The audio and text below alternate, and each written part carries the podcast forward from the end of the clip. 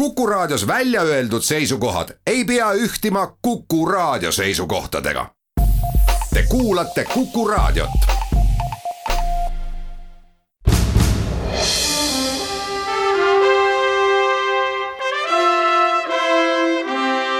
vahetund Postimehega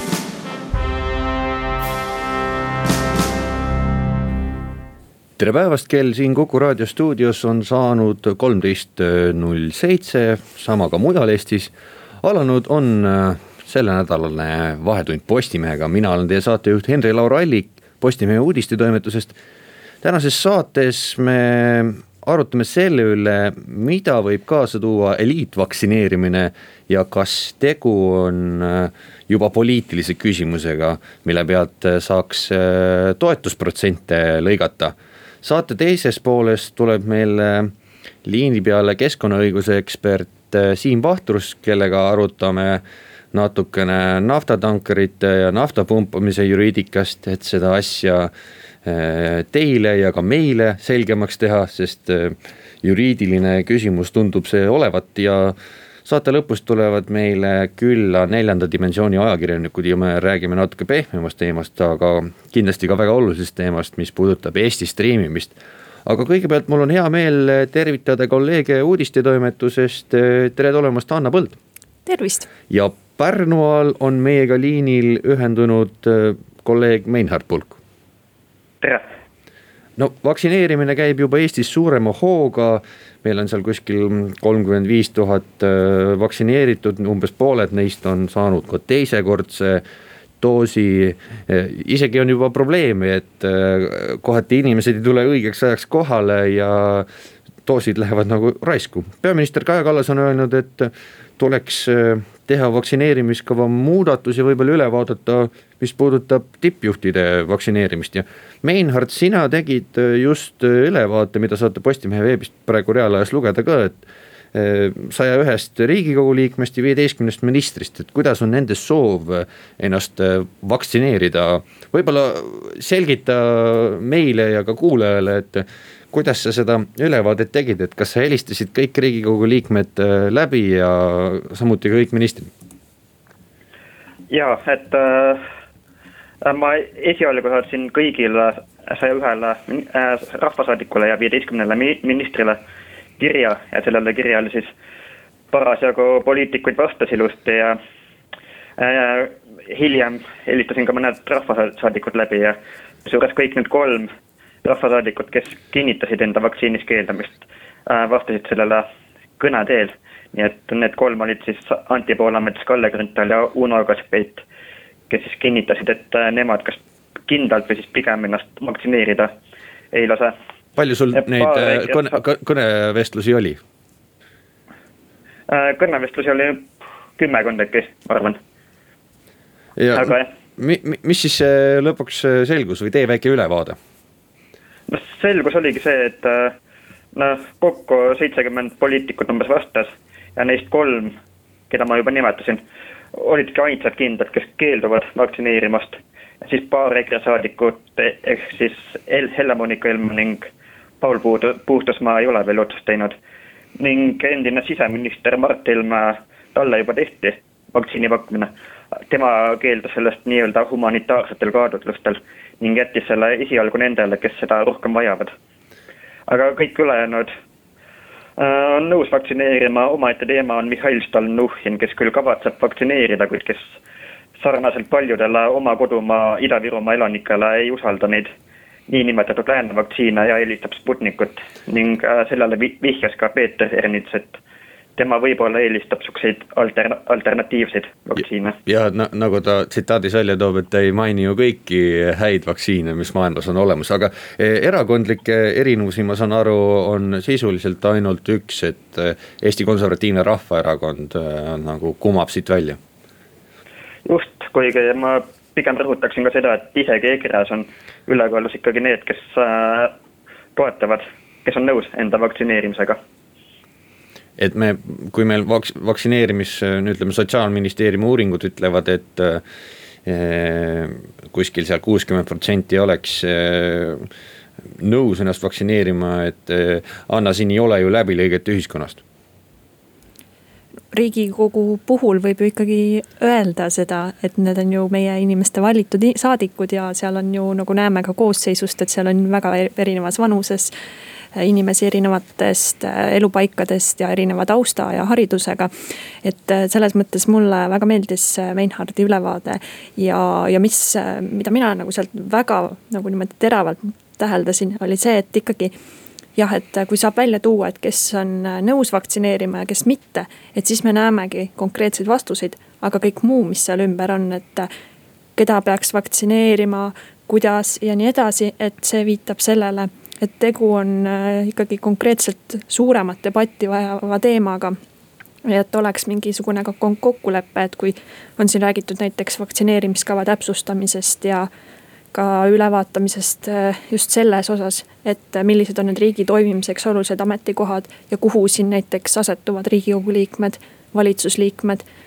et äh, see lugu andis nii ilmekalt tegelikult ülevaate, et kui värske ja debatti vajava teemaga tegemist aga tundub, et ta on äh, ikkagist läinud üle selliseks poliitiliseks küsimuseks, et kes keeldub selle nagu märgiga, et ta ei taha olla eliitvaktsineeritu ja peab äh, nii-öelda rahvas ikka enne saama, erakond Eestimaa Rohelised äh, eesotsas siis erakonna esimehe Züleyxa Izmailovaga on äh, väga vastu sellele eliitvaktsineerimisele. et tegu on ikkagist poliitiline küsimus. Mulle tuleb äh,. jah, et ma ise ütleks, et parteilisi mustreid ja parteilisi jooni oli näha võid selles võtmes, et äh, sisuliselt kõik Keskerakonna tipp-poliitikud nagu Ratas, Jaak Aab, Tanel Kiik, Tõnis Mölder ei pidanud poliitikute eelisvaktsineerimist õigeks. ja ma arvan, et äh, selle teema osas on valitsuskabinetis päris põhimõtteline vaidlus tulemas, sest äh, oli just Reformierakond ja Kaja Kallas see, kes vaktsineerimiskava ülevaatamise uuesti laua peale tõi, et need Reformi ja Keskerakonna vaated kipuvad siin olema üksteist isegi välist-, välistavad ja huvitav on ka see, et äh, mida tasub ka meelde tuletada, on meie koalitsioonilepe. kus siis ju Reformierakond ja Keskerakond kirjutasid sisse, et äh, alates maikuust võimaldatakse kõigile soovijatele tasuta kodulähedast vaktsineerimist. ja sellele peaks siis eelnema kampaania, mis siis tõstab teadlikkust inimestel. Ja, ja see on hästi selles mõttes äh, no selles mõttes näeme siin ikkagi teatud poliitilist sellist küsimust et kui me näeme koalitsioonileppesse seda kirjutatud ja teisalt, äh, kui meil on äh, konkreetselt plaanis siis selline kampaania. aga kui opositsiooni kuuluv Mart Helme, kes tegelikult ju tunnistas ise, et ta oma vanuse poolest sai ju kutse perearstilt ja tal oli see võimalus, ei soovinud olla see eliitvaktsineeritu, siis mina vaatasin seda näidet hoopis nagu teise nurga alt et kui oleks selline nii-öelda erakondadeülene konsensus, teha sellist ühte suurt teavitavat ja siis vaktsiini nii-öelda toetavat kampaaniat, siis äh, oleks ju suurepärane näide olnud just tema. kes ütleb, et kuulge, et mina käisin, mina sain, äh, ei ole eliitvaktsineeritu, sellepärast et sai ju kutse oma perearstilt ja oleks just täpselt olnud kindlasti selline inimene, keda märgataks ja, ja kes ma arvan, et oleks just sellisesse kampaaniasse väga hästi sobinud, kui oleks selline üksmeel olnud poliitiliselt. aga see debatt seisab ees, kohe jätkame samal teemal ja kuulame ära reklaamid.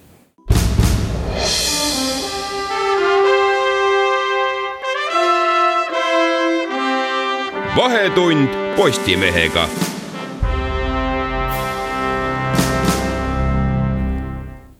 tere tulemast tagasi, stuudios on äh, Postimehe uudistetoimetuse reporterid Anna Põld, Meinhard Pulk ja Henri-Laur Allik.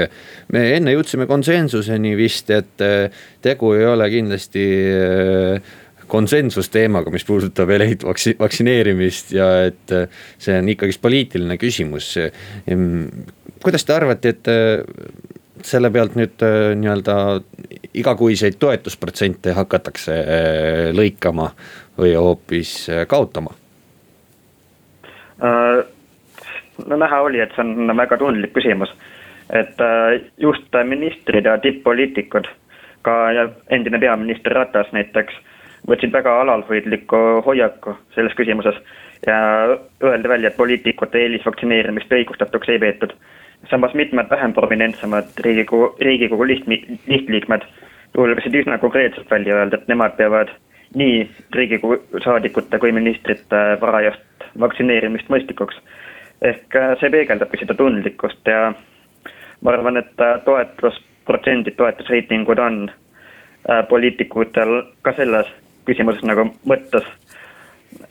ma ei oska ennustada, kuidas, mis see mõju võiks olla, aga ma arvan, et toetusprotsente silmas pidades võetigi vähemalt esialgu väga sihuke tagasihoidlik ja alalhoidlik hoiak poliitikute eelisvaktsineerimise osas.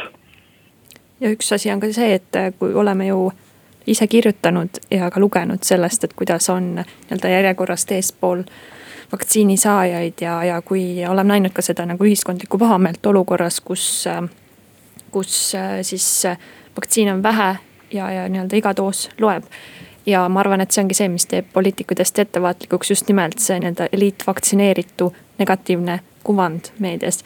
ja, ja loomulikult äh, siin võib ju tuua näiteid erinevatest riikidest, kus on selliseid äh, suuri vaktsineerimisi tehtud ja, aga noh, siin tuleb ka vaadata seda, et, äh, et milline on see üleüldine kuvand ja ka vaktsiini seis selles konkreetses riigis no meil on ka ju kerkinud palju üles selliseid juhtumeid.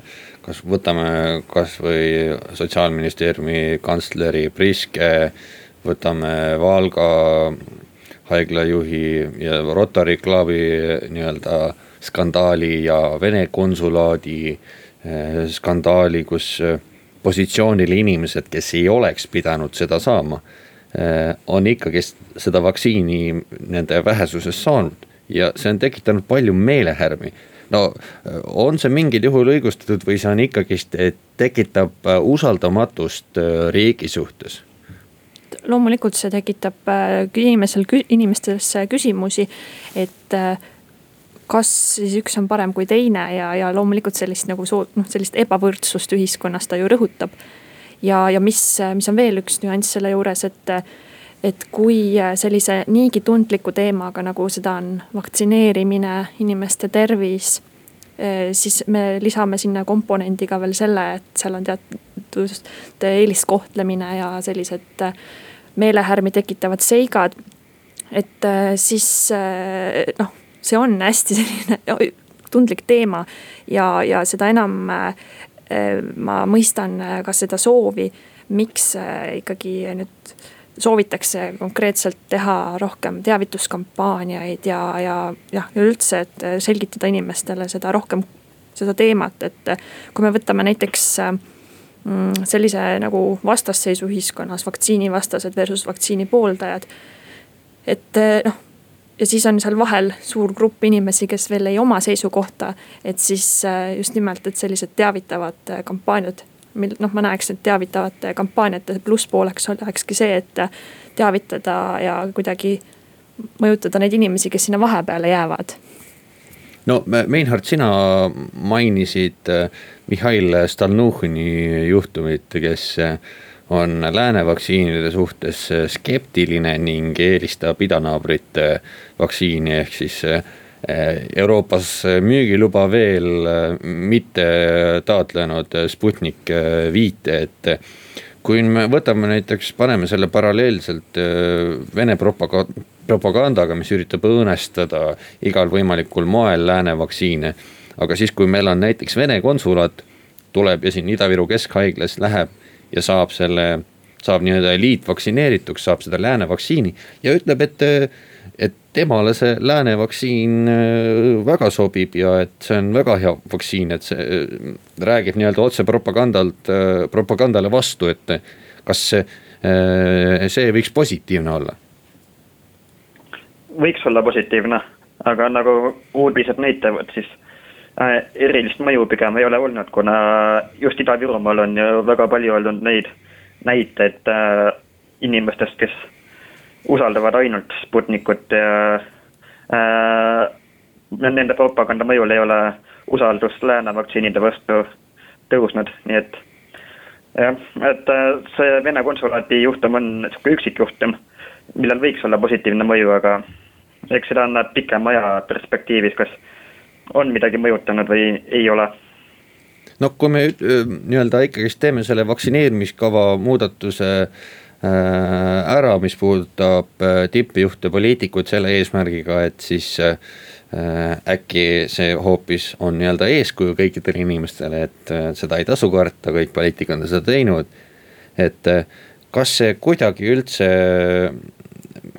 meie niigi nagu väikseid vaktsiinikoguseid äh, Äh, lööks tugevalt, kui näiteks nelisada poliitikut ära vaktsineerida ja on sellest äh, rohkem kasu või rohkem kahju?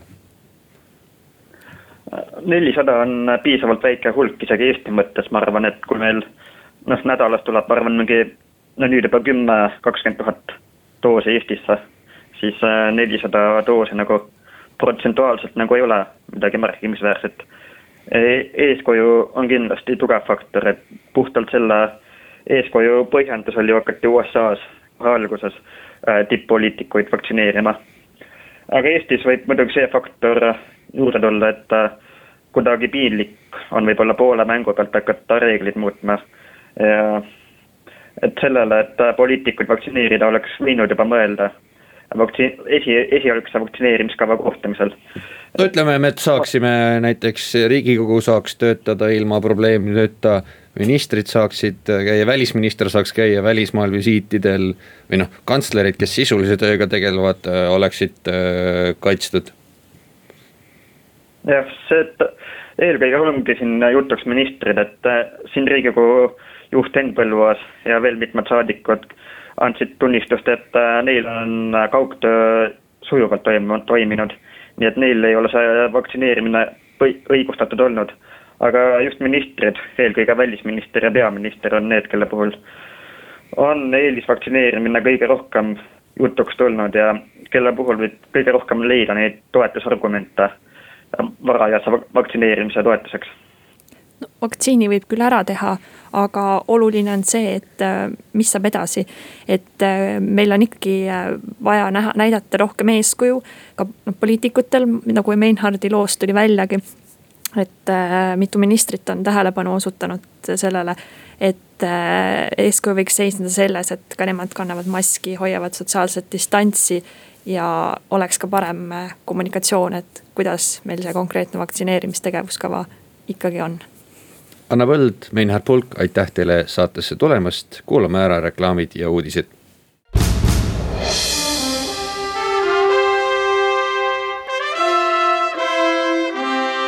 vahetund Postimehega.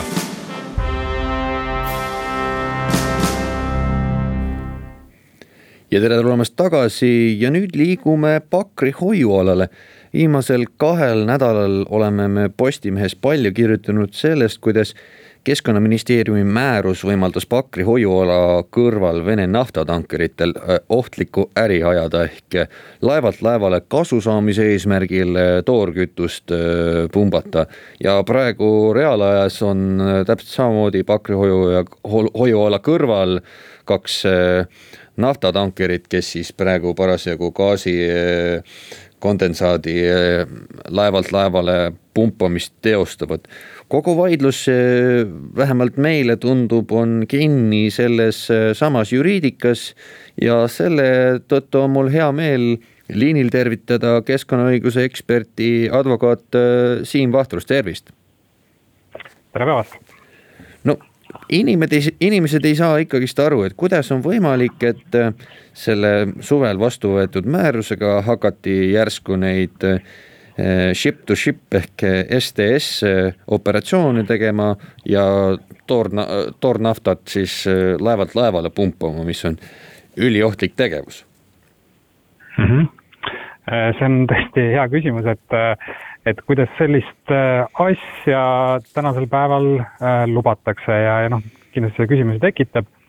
Et võib-olla sissejuhatavalt tasub mainida, et nii nagu ka ajakirjanduses kajastatud on, siis tegelikult selliseid operatsioone põhimõtteliselt lubatakse ka mujal maailmas, et küsimus, ma arvan, et ka Eesti puhul on ennekõike just nimelt selles, et kus kohas sellised operatsioonid lubatud on ja et kas see tänane regulatsioon, nii nagu ta meil kirja pandud on, annab võimaluse keelata sellise tegevuse kohtades, mis selleks ei sobi, noh näiteks Pakri hoiuala, ma arvan, on tõesti väga hea näide, et kui kui meil on ala, mis on võetud looduskaitse alla ja kus tegelikult igasugust inimtegevust päris jõuliselt piiratakse sellel eesmärgil, et sealseid, seal pesi-, pesitsevaid, peatuvaid, talvituvaid linde kaitsta, et siis kuidas jah, sellise koha vahetus naabruses lubatakse sellist äh, ilmselgelt äh, nendele samadele veelindudele ohtlikku tegevust, et see on tõesti,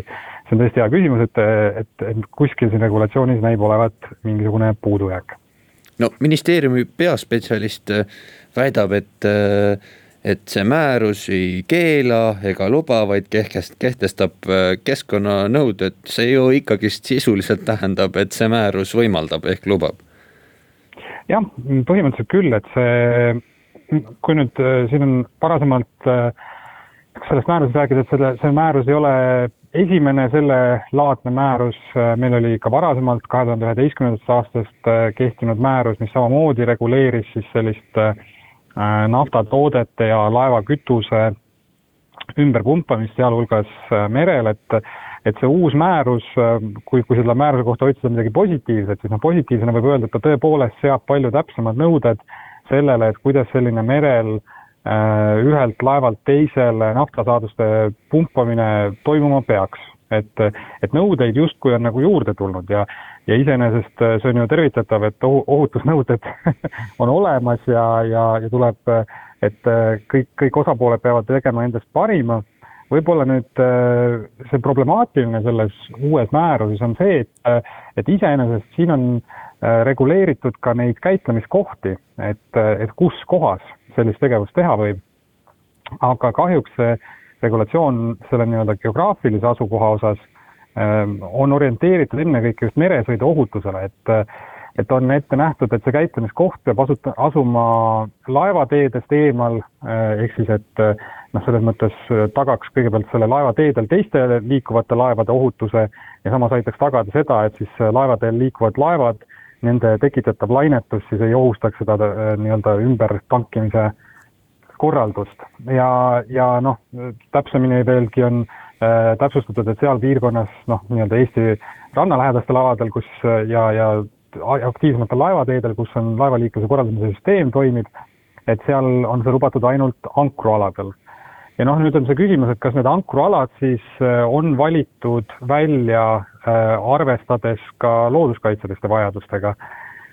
Ja, ja noh, siin see vastus on, et nii ja naa, et äh, seesama ankruala, kus praegugi naftatooteid ümber nii-öelda tõstetakse ühelt või pumbatakse ühelt laevalt teisele, et see ankruala moodustati kahe tuhande seitsmendal aastal ja, ja tookord äh, Keskkonnaministeerium iseenesest juhtis tähelepanu sellele, et, et noh, see ala asub seal äh, nii-öelda linnustikule väga olulises kohas ja et, äh, et tingimuseks oli, et siis selle ankruala hoiualale jääval ola, asa, hoiualale jääval osal siis ei tehtaks tegevusi, mis võiks seda kaitstavat ala ja liike ohustada.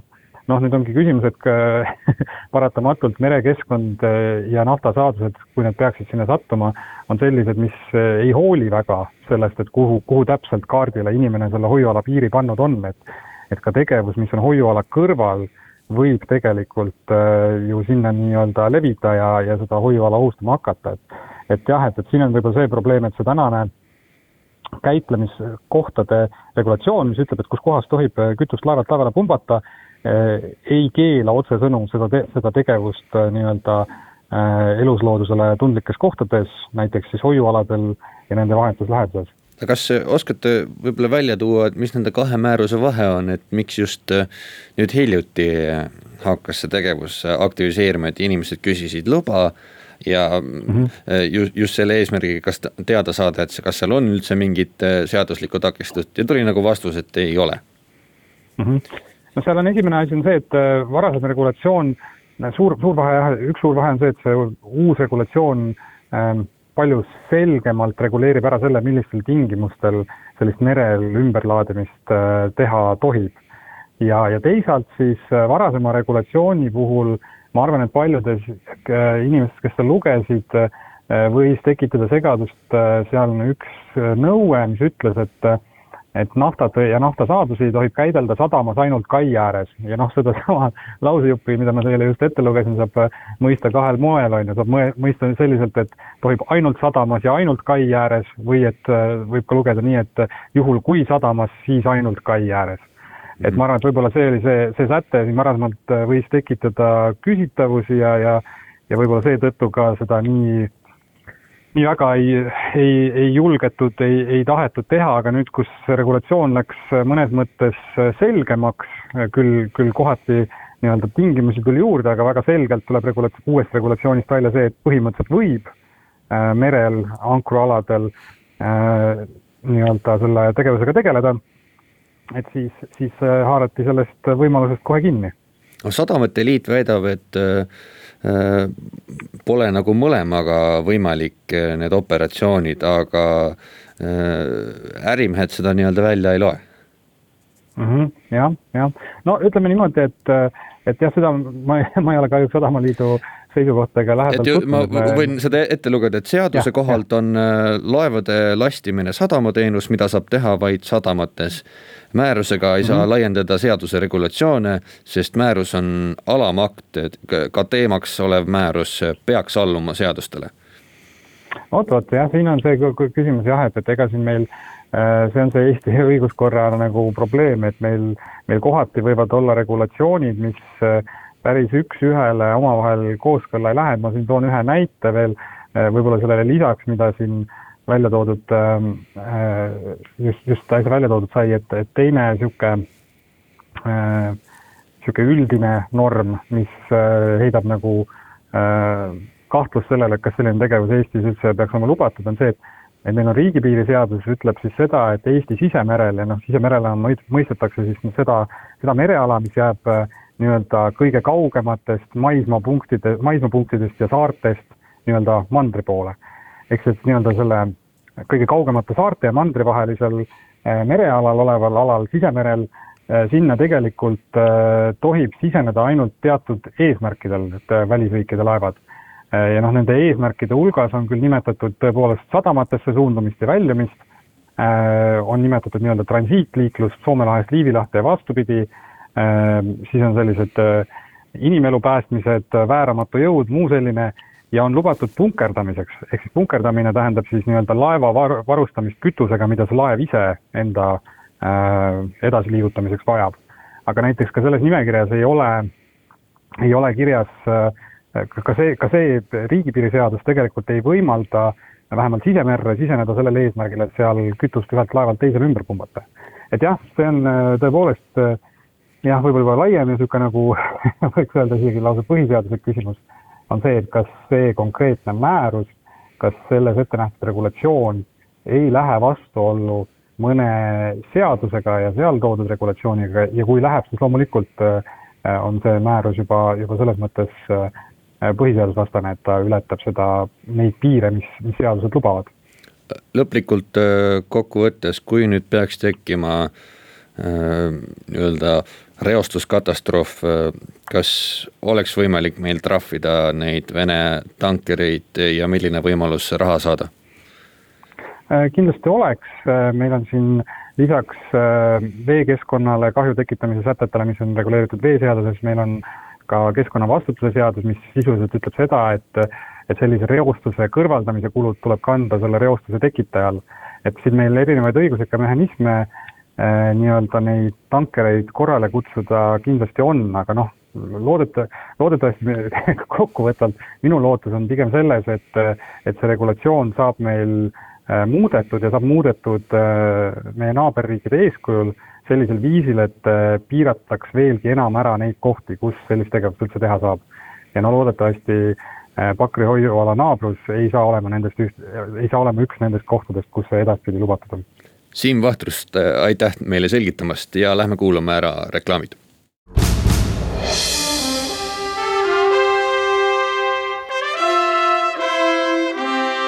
vahetund Postimehega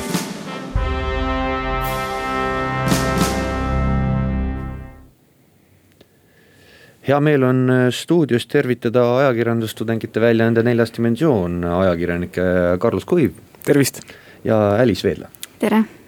No ilmunud on järjekorras number kaheksas ajaleht, kus lisaks paljudele muudele lugudele saame luge-, lugeda siis eestlastest kes veedavad oma vaba aega või siis oma üldse tööaega äh, otseülekandeid oma kodust äh, tehes, eks striimides, noh kõigepealt äh, selgitage kuulajatele mõisteid, et mis asi on striimimine ja mis asi on see platvorm, see Twitch? no platvormist nii palju, et tegelikult see on sellisel, selle nime all, Twitchi nime all siis kaks tuhat üksteist aastal juba loodud ja käima tõmmatud. nüüdseks siis juba minu teada maailma kõige suurem äh, nii-öelda siis otseülekannete keskkond, äh, kus siis põhimõtteliselt iga inimene saab oma nii-öelda laivi käima lükata. ja kahe tuhande neljateistkümnendast aastast alates kuulub see Amazonile, aga muu sisu on nii-öelda algusest peale samaks jäänud. kes seal striimivad siis? Äh, seal striimivadki erinevad noored, et äh, palju näiteks on mängureid, kes näitavad, et kuidas nad mängivad midagi. aga Eestis on äh, rohkem populaarne tegelikult lihtsalt enda elu näitamine. et kuidas möödub sinu tavaline teisipäev näiteks. otseülekandena? jah, otseülekandena ja ütleme, kes siis need Eesti kroonjuveelid on otseülekannetes? nojah, neid on mitmeid, aga meile siin ka meie seal loos tõime mõned eredamad tähed nii-öelda välja. et äh, näiteks üks noorhärra, kes on tegelikult täiskohaga rekkajuht äh, Skandinaavias, sõidab äh, pikkasid otsi seal rekkaga ja tema striimib päris tihti nii-öelda tööpäevad läbi, kui ta tööl on, pildiks ilus lumine Skandinaavia tee. ta räägib juttu, kuulab muusikat ja niimoodi nad niimoodi ta siis äh, teebki neid ülekandeid. kas see ohtlik ei ole, ütleme troolis niimoodi, sa pead tegelema selle otseülekandega ja samal ajal sa pead kaupa ka vedama kuskil jäistel teedel. no minu teada niimoodi tehnilises mõttes tal on see hästi mõeldud, et tal on mingi kinnitusega telefon seal armatuuri peal kuskil aknast välja, aga jah, mulle tundub ka, et nii-öelda tähelepanu mõttes see võib, võib häirida seda sõitu, aga noh siiamaani ei tea, et oleks õnnetust juhtunud. kui palju eestlasi seal äh, neid striime teevad ja palju on äh, nagu vaatajaid, mis ütleme, peamiselt ma kujutan ette, et siis äh, äh nooremapoolsed ja vaatajad on küll nooremapoolsed, et me panimegi rohkem rõhku siis nendele populaarsematele striimeritele, et vaatasime kokku siis umbes viit striimerit ja tegelikult vahepeal oli vaatajaid paarsada, mõnikord oli paarkümmend ainult, et see oleneb ja noh, esimese hooga nii-öelda, kui hakata otsima üldse neid erinevaid kasutajaid, kes seal striimivad. siis mina leidsin, seal järjest hakkas tulema kuskil kakskümmend, kakskümmend viis eestlast nii-öelda Eesti kanalit. leidsid nagu suht lihtsa vaevaga üles. kui ma nüüd vaatan sellele peale, siis mul tekib kohe küsimus, et eh, miks seda tehakse ja miks seda vaadatakse üldse Äh, ma arvan, et. äh, ma arvan, et seda tehakse sellepärast, et äh, neil on tekkinud juba seal Twitch'is oma kogukond. et need kommenteerijad ja jälgijad, kes on siis striimeritel, et nad suhtlevad omavahel, nad suhtlevad koos selle striimeriga. et tegelikult see on justkui sõpruskond ja peale selle tegelikult saab ka sellega raha teenida, et osad striimerid on siis teinud erinevaid loose, kogunud selle jaoks raha, mõni on ka kogunud raha, et endale uut tehnikat osta näiteks kõrvaklappe, et jah. kuidas see raha teenimine, teenimine siis välja näeb? saad pangaülekande teha või? Äh, jah, nad saavad äh, siis toetada, et näiteks äh, ühel striimeril oli isegi annetamislink all ja seal oli siis juures ka märkus, et kõik annetamised on vabatahtlikud ja et midagi ei tagastata, et kõikidel on siis nagu hoiatus ka, et ikka vastutatakse ise oma rahaotsuste eest et juriidiline pool on see, et see kõik on nii-öelda tavaline annetus, aga nii-öelda vist, vist makse sealt ei maksta mm, no seda täpselt ei oska öelda, aga jah, suur rõhk on just selle peale, et kõik on selles mõttes annetus, et keegi ei käsi raha eest, sa saad noh, kõiki striime tasuta vaadata mm. -hmm. ja, ja annetada siis, kui endal tuju tuleb. ja annetamiseks on peamiselt siis see Twitch'i enda keskkonna läbi kust siis ilmselt Twitch võtab ka mingi sendi endale. aga, aga mõned ärimehed on isegi ka enda otse enda nii-öelda pangakonto numbri sinna oma kirjeldusse pannud nii-öelda. et saab ka neile otse anda, kui väga isu on no siin peaks maksuametis üle vaatama, et kas kõik on korrektne, selline hall ala nojah, ma ja. nüüd ei, täpselt ei ole seadusandlusega kursis, kuidas see annetustega seal on. no nädal aega te olite ja jälgisite neid äh, Eesti striimereid, siis äh, mis te saite sellest, mis kasu, kasu sellest saab? No, on see meelelahutus või? kindlasti oli jah, hea meelelahutus, aga tegelikult oli ka, kohati võib öelda, et äh, see oli selline podcast'i vorm, et näiteks võisidki panna mõne striimi endale taustaks mängima. kuulasid, kuidas näiteks see rekkamees jutustab teistega, räägib oma elust, olust ja nii edasi. ja tegelikult üks äh, naisstriimer siis tihtipeale ta käis näiteks äh, meigikunstniku juures, sealt saavad naised meiginippe, et päris palju asju tegelikult kaamera nagu kogu aeg kõigil käib põhimõtteliselt jah, enam, enamasti nii-öelda striimitakse, kui ollakse liikumises ka just siis enda telefoni kaudu. ja, ja nii-öelda jah, justkui vaataks kuskilt Instagrami story sid või midagi, aga kõik on laivis ja tavaliselt noh, mitmeid tunde jutte, jutti. kas hakkasid kasutegurit ka tooma? Äh, kuidas? mis sa nädalaga kasu said äh, ma arvan, et äh, mulle kõige suurem kasu oli, et ta avardas mu silmaringi. just selles mõttes, et ma enne nii süvendanult, nii süvenenult ei olnud selle, selles keskkonnas nagu surfanud ja vaadanud neid striime. ja, ja lihtsalt nii-öelda andis, andis mingi uue vaatenurga, et selliseid asju tehakse ka ja päris paljud vaatavad. et artiklis tõime ka välja numbrid ka välja. Äh, Twitch'i, twitchtracker.com siis, kus on statistikat igasugust. et äh, näiteks jaanuarikuu, jaanuarikuu jooksul äh, siis seesama ühe rekkamehe kanal oma tuhande viiesajast umbes jälgijast sai kuu ajaga, selle viimase kuu ajaga siis seitsesada. et päris kõva tõus selles mõttes. mis selle rekkamehe nimi on või selle kasutaja nimi? ja tema kasutaja nimi on Smoke It kaks, kõik kokku kirjutatud. Äh, ma arvan, et Smoke It kaks kahe nime järgi peaks ta üles leidma küll sealt igaüks. et kui kuulajad soovite ka vaadata äh, põhjamaiseid, põhjamaist rekkasõitu. aga äh, ma nüüd natuke tegin sissevaadet ka, minule nagu vihjati, et Twitch'is on paremad ajad on möödas, et nüüd on nagu Äh, langustrend või kuidas te selle peale kostate? no ma isiklikust äh, nii-öelda kogemusest, äh, kui ma kunagi väiksemana vaatasin neid erinevaid mäng, mängustriime, nii-öelda arvutimängude striime. seal kuskil kaks tuhat kümme, mõned aastad peale. siis, siis mulle tundus, siis nüüd praegu mõeldes, siis mulle tundus, et siis oli küll nagu võib-olla elavam see. aga samas ma nüüd ei ole pikka aega vaadanud ja praegu, kui nende kanalite nii-öelda seltsis aega veeta, siis tundub, et ikkagi mingil määral selles mõttes elu käib, et iga päev leiad sealt midagi ka eestikeelset nii-öelda, mida vaadata. aga ma üldist trendi maailmas ma ei oska niimoodi öelda, et võib-olla tõesti ta on, hakkab langema. nii et neid uusi kasutajaid nagu tuleb siis? No tegelikult tuleb ikka sellepärast, et äh, noored ju kasvavad üles arvutimängude seltsis ja tahetakse ka jagada seda, et äh, kuidas nemad mängivad, et näiteks ka minu ühel noorel sugulasel on endal Twitch'i konto olemas ja ka striimib samamoodi, kuidas tema mängib. et jah, et võib-olla mängude poolest on ta ikkagi püsib, aga ma arvan, et äh, see tavaliste eestlaste striimimine, et ma usun, et see tegelikult võiks olla tõusuteel, et see on avastamata veel aitäh saatesse tulemast, lugege kindlasti Postimehe vahel täna värske ajaleht. mina olin teie saatejuht Henri Larailik Postimehe uudistetoimetusest, eetris oleme uuesti nädala pärast. seniks kõiki, kõike head ja peatse kuulmiseni.